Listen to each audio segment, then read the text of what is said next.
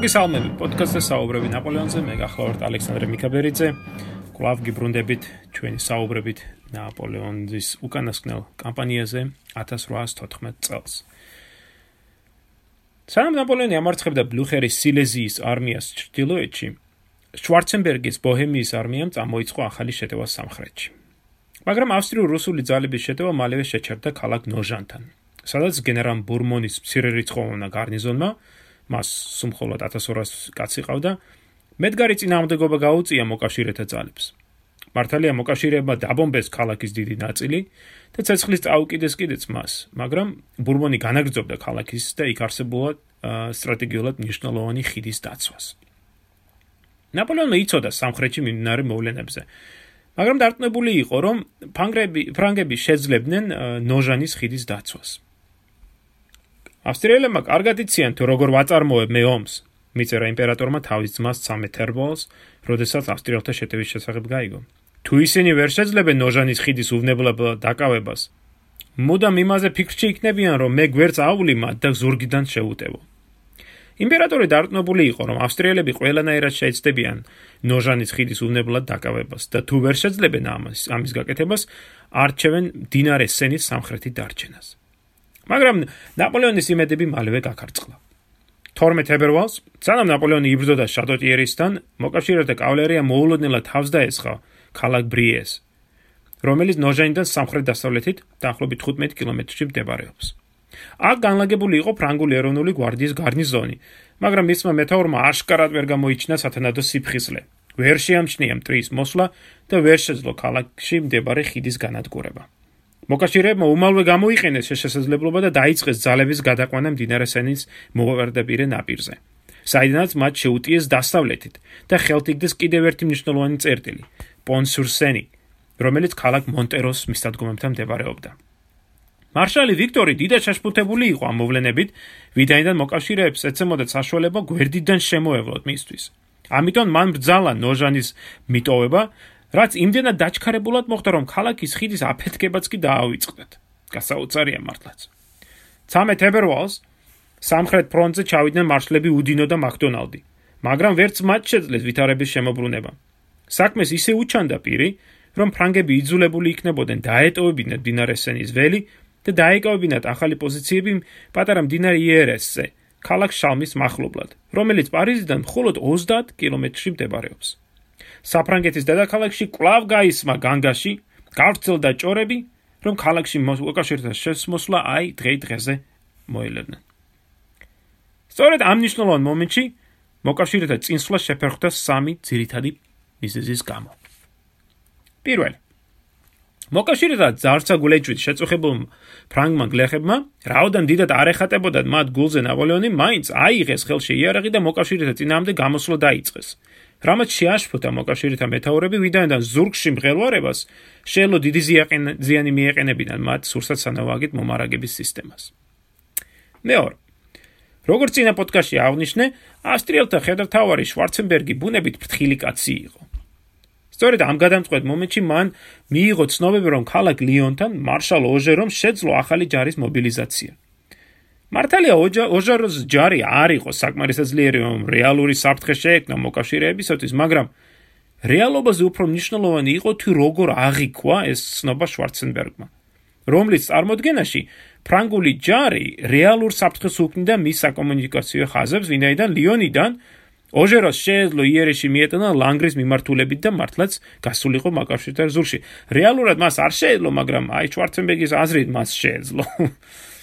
ამ საფრთხის წარმოსახვითი საფრთხის, ხო? მაგრამ მაინც შვარცენბერგისათვის საფრთხის გასანაიტრელებლად შვარცენბერგმა შეაჩერა თავისი წინსვლა. და მესამე. მოკავშირეთა წინსვლის შეჩერებაში გადამწყვეტი როლი ითამაშა ცნობებმა ნაპოლეონის ბლუხერზე მოპოვებული გამარჯვებების შესახებ. ზედიზედ 4-მა ფრანგულმა გამარჯვებამ იმდენად გააოცა მოკავშირეთა თავკაცები, რომ 15 თებერვალს იმის ნაცვლად რომ თელი ძალებით შეეტიათ პარიზისაკენ, მათ შეაჩერეს თავისი ძირითადი ძალების წინსვლა და ორი დღის განმავლობაში თათფირობდნენ თუ რა მოემოქმედათ. საბოლოოდ 17 თებერვალს მოკავშირეებმა დაიწყეს უკუსვლა, წინსვლა კი არა, უკუსვლა ნოჟანსა და ბრეისაკენ. შვარცენბერგს რომ სწოდნოდა რამდენად ახლოს იყო ნაპოლეონი, ალბათ ქუდ მოგლეჯილი დაიხებდა უკან.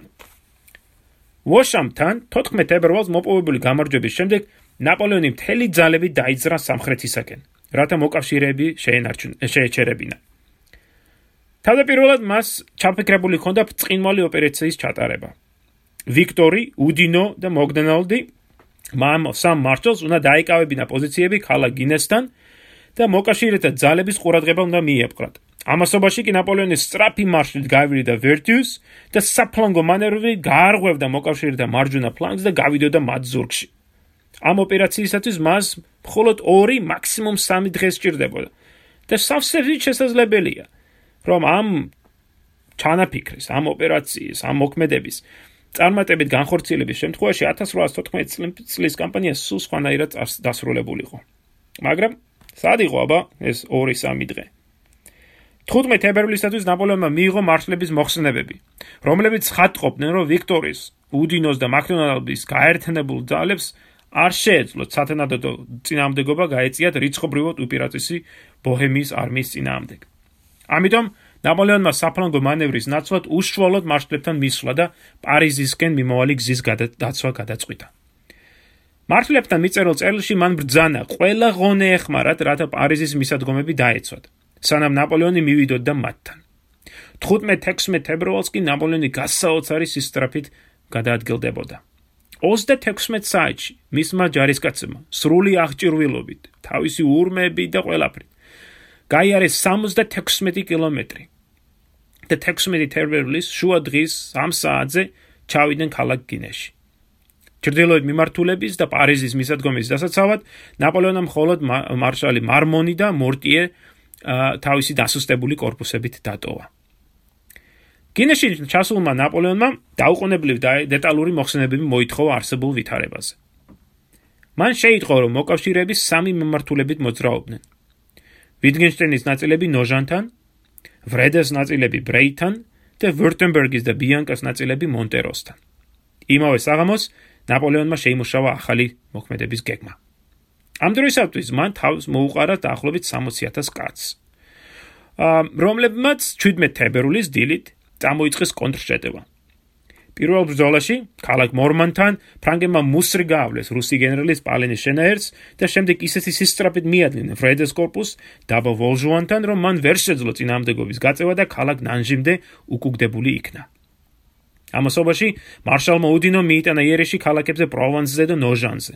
მაკდონალდმა შეუტია დაბა ბრეის, ხოლო მარშალმა ვიქტორმა და იმპერიულმა გვარდიამ დაიწყეს სვლა ქალაქ მონტეროსკენ. რომლის აღება ფრანგებს უეჭვლივ არ გაუჭirdებოდათ რომ არა ვიქტორის ცოტა არ იყოს უცნაურმა საქციელ. იმის ნაცვლად რომ შეესრულებინა იმპერატორის ბრძანება, ღამითაც კი ეარა და მთელი ძალები შეეტია მონტეროში მდებარე მოკავშირეთა ძალებისათვის, ვიქტორმა მზის ჩასვლასთან ერთად ბრძანა ჯარისკაცების დასვენება და მონტეროსთან სულ რამოდენიმე კილომეტრში, პატარა დაბა ვილნევში გაატარა ღამე და ბრძოლაში მხოლოდ მომდევნო დილი ჩაება. ბუნებრივია, მოკავშირეებმა გამოიყენეს ეს შესაძლებლობა და მონტეროსთან ძლიერი პოზიციები დაიკავეს. ნაპოლეონი სოფებს ყრიდა ბერტიესთან საუბარში. გადაეცით ბელუნოს ჰერცოგს, ანუ ვიქტორს, ხომ? გადაეცით ბელუნოს ჰერცოგს, რომ მეტად უკმაყოფილო ვარ, რომ მან არ გამოიჩინა ხნეობა ვილნოვთან და არ შეასრულა ჩემი ბრძანება მისულიყო მონტეროში. გადაეცით რომ მე მოვითხო მისგან დეტალურ ახსნა განმარტებას. თუ რამუბიძგამ მას ასეთი საქციელისაკენ რომელიც ამ კამპანიაში გამარჯვებას უთხრეს ძირსო. იმავე დღეს ნაპოლეონმა გადააყენა ვიქტორი და მის ნაცვლად корпуსის მეთაურად დანიშნა გენერალი ჟერარი. 18 თებერვალს მონტეროსთან გაფთრებული ბრძოლა გაჩაღდა ფრანგებმა ძლიერი ირიში მიიტანეს მოკავშირეთა პოზიციებზე, მაგრამ განიცადეს დიდი ზარალი მოკავშირეთა ქვემეხებისგან, რომელთა განლაგება და გამაგრება მოწინააღმდეგებს შეძლო ვიქტორიის აი ამ უსუსური მოქმედების წყალობით. შუა დღის 3 საათისათვის ფრანგებმა მაინც შეძლეს ქალაქში შესვლა და ხელჩართულ ბრძოლაში იქ მდებარე ხიდიც კი აიღეს, რის შემდეგ მოკავშირეთა მეთაურმა ვიურტემბერგის ჰერცოგმა უკან დახება ბრძანა. მაგრამ ნაპოლეონმა არ აცალა მას. მისი ბრძანებით ფრანგული артиლერია გაიჭრა მოწინავე ხაზში და გამადადგურებელი ცეცხლი გაუსწნა მოწინააღმდეგეს. ხოლო შემდეგ გენერალი პაჟოვმა მიუხედავად იმისა, რომ თვითონ უკვე საკმაოდ სერიოზულად იყო დაჭრილი, პაჟოვმა წამოიწყო ბრწყინვალე საკავალერიო შეტევა, რომელმაც მოკავშირეებში სრული ქაოსი და დაბნეულობა შეიტანა. ბრძოლაზე თვალის ახლოთ სადევნებლად ნაპოლეონის საფრონტო ხასთან იმდენად ახლოს იყო, რომ მის ირგვლივ ტყუები დაწუილობდნენ. ამით შეფო შაშფოთებულმა ამალამ ნაპოლეონს შეუთვალა იქნებ უკან დავიხიოთ, ცოტა უფრო სულსაფრთხო ადგილასო. ნუ გეშინიათ, მიუგო ნაპოლეონმა. ჩემი მონკლელი ტყუია ჯერ არ ჩამოუსხიათო. მონტეროს ბრძოლა ნაპოლეონის კიდევ ერთი გამარჯვებით დასრულდა. მოკავშირეებმა დაკარგეს დაახლოებით 6000 კაცი და 15 ქვემეხი, ხოლო ფრანგებმა დაახლოებით 2500 კვდარი და დაჭრილი. რაც თავარია, ნაპოლეონმა ხელთ იგდო ინიციატივა, უკუაგდო მოკავშირეთა ერთ-ერთი კოლონა. ეს გამარჯვება კიდევ უფრო გადამწყვეტი იქნებოდა მარშალ უდინოს, რომ უვნებლად ჩაეგდო ხელში ნოჟანის ხიდი. მაგრამ იქ მის ფრანგებს ხიდი უკვე აფეთქებული დახვდათ, ხოლო მოკავშირეები დინარე მოპირდაპირე მხარეზე გადასულები. მონტეროსთან განცდილი მარცხის შემდეგ შვანცებერს სხვა არაფერი რჩებოდა თუ არა დაეწყო უკუსლა ტრუასკენ. ამავე დროს მოკავშირეებმა უბრძანეს ბლუხერის სილეზიის არმიას უკან დახეულიყო და დაიკავებინ ახალი პოზიციები მერის სურსენთან. ნაპოლეონს ესმოდა თუ რა უდან ნიშნულოვანი იყო არმიეცა სულის ამოსუნთქვის საშუალება მოწინააღმდეგისათვის. ამიტომ მონტეროს ბრძოლის შემდეგ მან დაუყოვნებლივ დაიწყო სვლა ტრუასკენ. რათა ბოჰემიის არმიის მიერ იქ ახალი პოზიციების დაკავებაში ხელი შეეშალა. ნაპოლეონმა შეიმუშავა ახალი საოპერაციო გეგმა. ნოჟანი გახდა სამოქმედო გეგმის ცენტრი. გენერალ ჟერარი გაუძღვებოდა ძალების ერთ ნაწილს ქალაქ სენიდან. ძირითადი ძალები იერიშ მიეტანდნენ ნოჟანიდან, ხოლო უდინო შეუტევდა რომილის მიმართულებით. ამასობაში მორტიე კლავ დაიცავდა ჩრდილოეთ ფრონტს შატოტიერისთან, ხოლო მარმონი დადგებოდა სეზანთან. ცალკე ბრძანება გაუგზავნა ნაპოლეონმა ოჟეროს. დროა, ჩაიცვა შენი ჩეკმები და იმავე შემართებით შეუტიო როგორც ეს 1793 წელს ქენიო. წერდა იმპერატორი. ოჟეროს უნდა სამხრეთიდან შეეტია მოკავშირეთა საკომუნიკაციო ხაზებზე. სამხედრო თვალსაზრისით ეს საინტერესო გეგმაა. მაგრამ მას არ ეწერა წარმატებით შესრულება. უკან დახევისად მოკავშირეებმა ყველა ქალაქში და დაბაში ხიდები დაანგრიეს. რამაც დიდად შეაფერხა ნაპოლეონის წინსვლა და მან ვერ შეძლო ტრუაში დროზე ჩასვლა. 21 თებერვალს კი ბოჰემიის არმიამ შეძლო ბლუჰერის სილეზიის არმიასთან პირდაპირი კავშირის აღდგენა. ნაპოლეონი იმედგაცრუებული იყო ამით, მაგრამ მაინც ცდილობდა მაქსიმალურად გამოეყენებინა გასული 10 დღის წარმატებები. მან წერილი მისწერა თავის სიმამრს ავსტრიის იმპერატორს და გამოთქვა მზადყოფნა მიიღო ფრანკფურტში მოკავშირეების მიერ შეთევაზებული პირობები, რომელთა მიხედვით საფრანგეთი დაკარგავდა უკანასკნელი 12 წლის განმავლობაში მოპოვებულ ტერიტორიებს, მაგრამ შეძლებდა ეგრეთ წოდებული ბუნებრივი საზღვრების შენარჩუნებას. ანუ საფრანგეთის საზღვრები იქნებოდა სამხრეთში პირენეის მთებზე, აღმოსავლეთით ალპებზე, ხოლო ჩრდილოეთით რაინის მდინარეზე. ამის შედეგად ფრანგების ხელში მაინც არჩებოდა ბელგია, სავოია, რაინისპირეთი, რომლებიც რევოლუციური ომების დროს იქნენ დაკავებულები. მაგრამ მოკავშირეებს აღარ სურდათ მასთან დაზავება და ომის ახალი ეტაპისათვის ზადება განაგრძობდნენ. 22 თებერვალს მოკავშირეთა მეთაურები შეიკრებდნენ ქალაქ ტრუაში მოწყობილ სამხედრო საბჭოზე. რათა განეხილათ ნაპოლეონის ძინავდე ბრძოლის სტრატეგია. რუსეთის იმპერატორი ალექსანდრე პრუსიელთა მეფე ფრიდრიხ ვილჰელმი და მისი გენერალები ერთხმად აცხადდებდნენ ომის გაგრძელების აუცილებლობას. მაგრამ ავსტრიელები ყოყმანობდნენ. ხოლო მათ გარეშე რუსები და პრუსიელები ვერ შეძლებდნენ ბრძოლას. შედეგად შვარცენბერგმა დაარწმუნა მოკავშირეები მიიღო გადაწყვეტილება განეგრძოთ უკან დახევა. მომდევნო დღეს ბოჰემიის არმიამ დატოვა ტრუა და დაბა ბარსურ ობისაკენ დაიძრა. 24 თებერვალს კი ტრუაში საზემოთ შევიდა ნაპოლეონი. ამრიგად დასრულდა 1814 წლის კამპანიის მეორე ეტაპი. თავისი ინტენსიურობით, მოქმედების სისტრაფით, წარმატებით, ეს კამპანია ერთ-ერთი საუკეთესოა სამხედრო ისტორიაში. როგორც ნახეთ, კამპანია წარუმატებლად დაიწყო ნაპოლეონისათვის, მაგრამ 26 იანვრიდან მოყოლებული მან გამოავლინა ბრწყინვალე სამხედრო ნიჭი, როგორც ოპერატიულ, ასევე ტაქტიკურ დონეზე. და თითქმის ერთი თვის განმავლობაში 26 იანვრიდან 24 თებერვლამდე წარმატებით მოქმედებდა ორი რიცხობრივად უპირატესი მოწინააღმდეგის წინააღმდეგ. აქ კვლავ გევლინება ის ახალგაზრდა ენერგიული ნაპოლეონი, რომელიც უფრო 1796-97 წლების ბონაპარტს გავს, ვიდრე 1812 წელს რუსეთში მყოფ იმპერატორს. ჩემი იტალიური ჩეკმები კვლავ ჩავიციო, ხუმრობით აღნიშნავს ნაპოლეონი ამ დროს. მაგრამ ფრანგების წარმატება სხვა მიზეზებიც ჰქონდა. ამავე პერიოდში მოკავშირეებმა გამოავლინეს თუ რაოდენ რთულია მართლაც კოალიციური სამხედრო მოქმედებების წარმოება. მოკავშირეებდა მოწადინება, ინტერესები ხშირად არ ემთხვეოდა ერთმანეთს.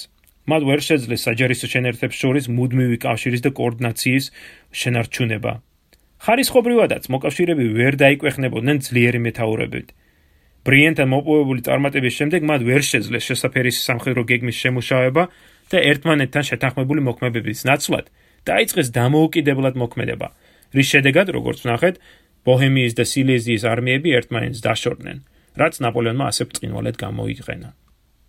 აღსანიშნავია, რომ არც მონმირაითან, ვოშამთან და მონტეროსთან განცდილ დამარცხებებმა შეძლეს მოკავშირეთა შორის არსებული აზრთა სხვაობის გაქარწყულა და ტრუას სამხედრო საბჭოზე მათ შორის კვლავ განხეთქილება სუფევდა. მაგრამ რაოდენ წარმატებული იყო ნაპოლეონი ტაქტიკურ და ოპერატიულ დონეზე, იმდენად წარუმატებელი იყო იგი სტრატეგიულზე.